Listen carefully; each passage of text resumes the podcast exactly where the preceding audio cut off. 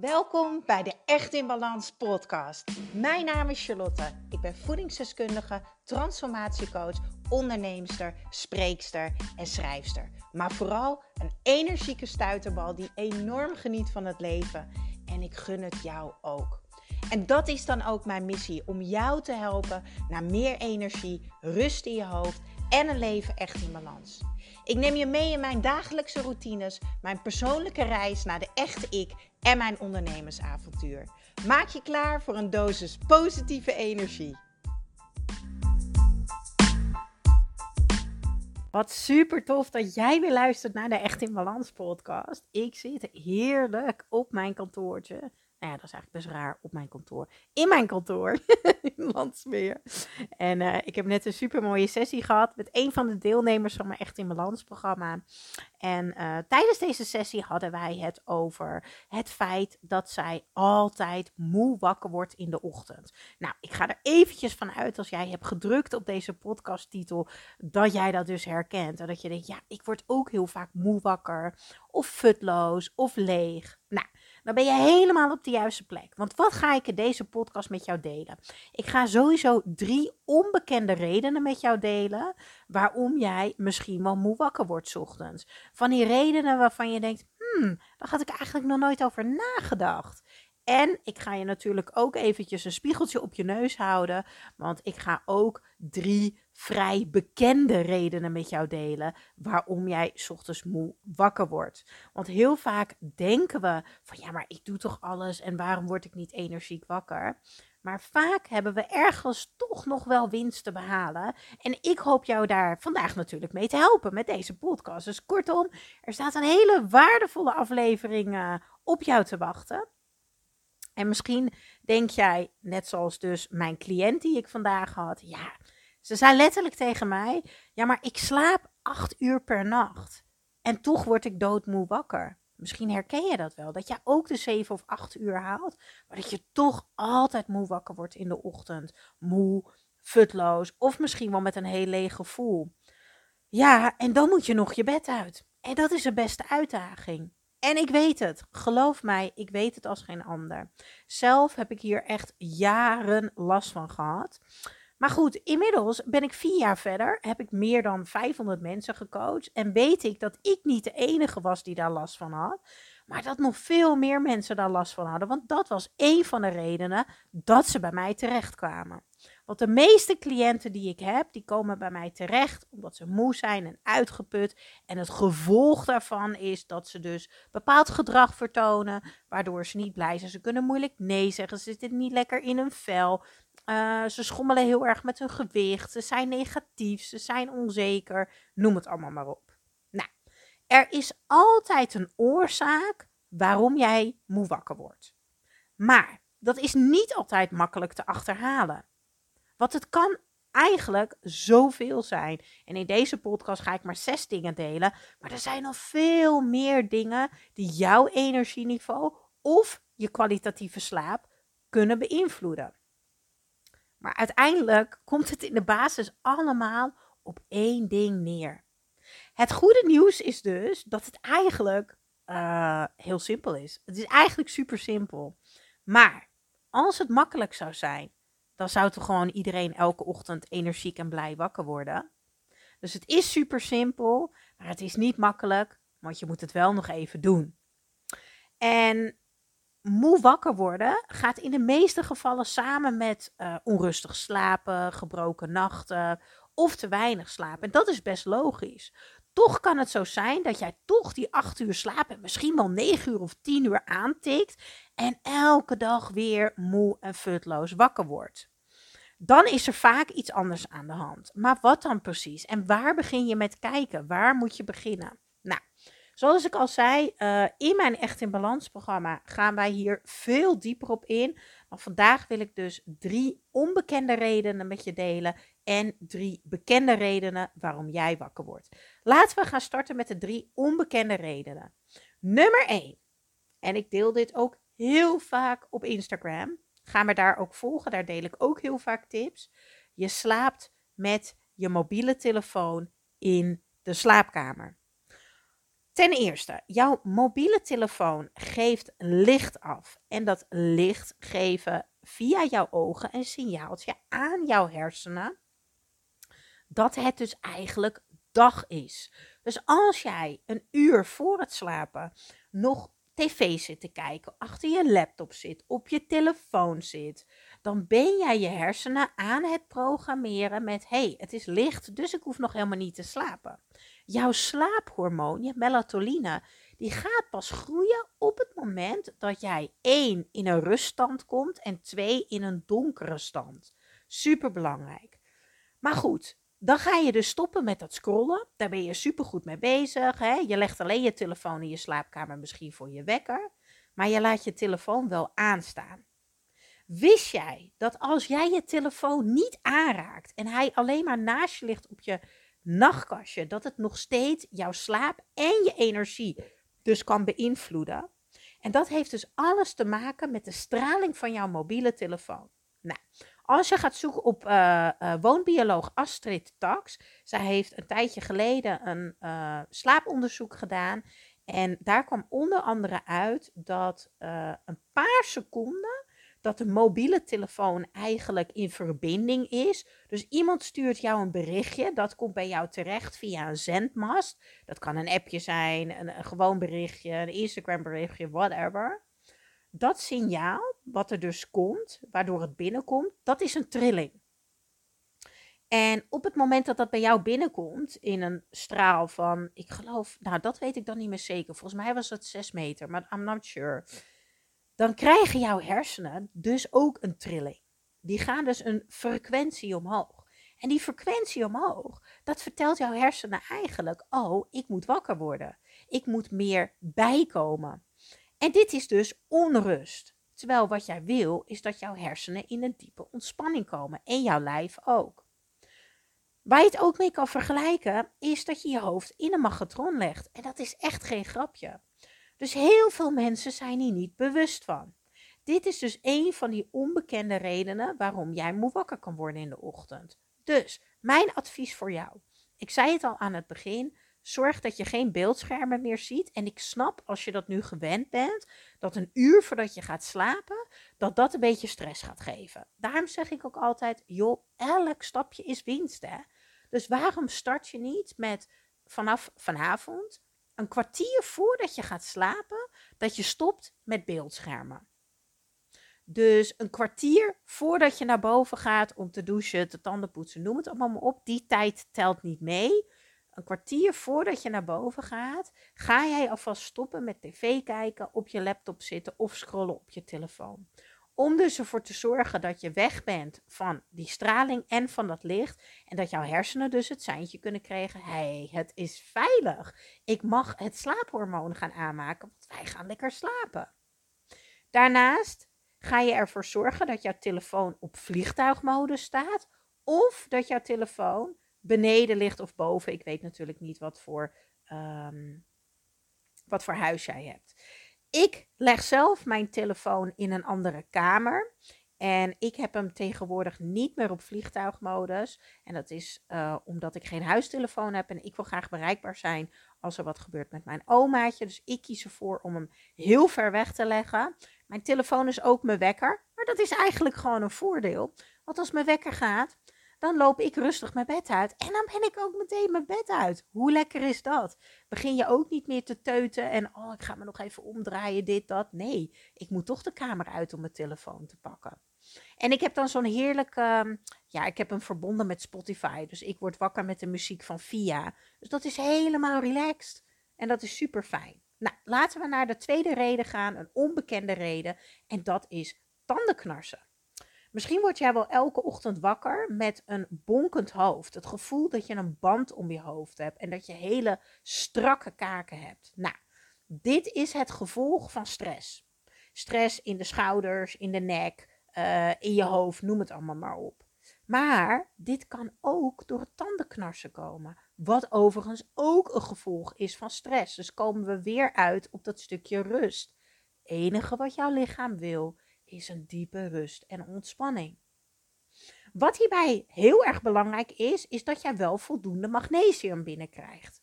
Daarom slik ik dus elke dag mijn zakje Vitelli. Ik zal even in de show notes, dat is de tekst onder de titel van deze podcast, zal ik je even het linkje delen. De Vitelli, daar zitten mijn basissupplementen in. Dat is wetenschappelijk bewezen. Dat is wat iedereen dagelijks nodig heeft. Maar daarnaast slik ik nog extra bij. Ik slik s'avonds voor het slapen nog de magnesium tauraat bij. En jij krijgt, ik geloof, 10% korting met de code echt in balans op vitakruid.nl. Ik zal het linkje ook delen in de show notes. Waarom slik ik nog extra magnesium bij?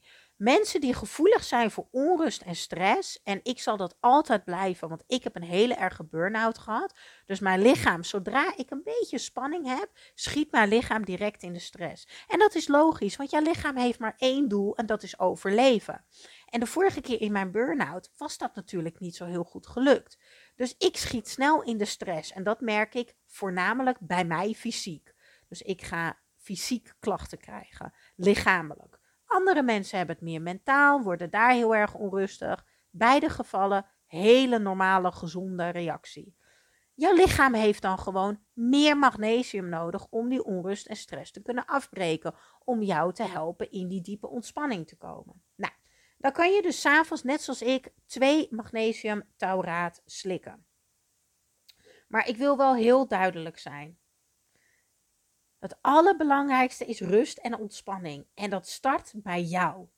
Hoe jij je dag indeelt, hoe jij naar de dingen kijkt en hoe jij met dingen omgaat. En een mooi puntje op de i is dus die magnesiumtauraat in de avond. Nou, blijf je nou knarstanden, dan wil ik je wel even adviseren naar de tandarts te gaan. Het is natuurlijk niet de bedoeling dat jij je hele tanden kapot gaat knarsen. En vaak kan een bitje daarbij ook al helpen.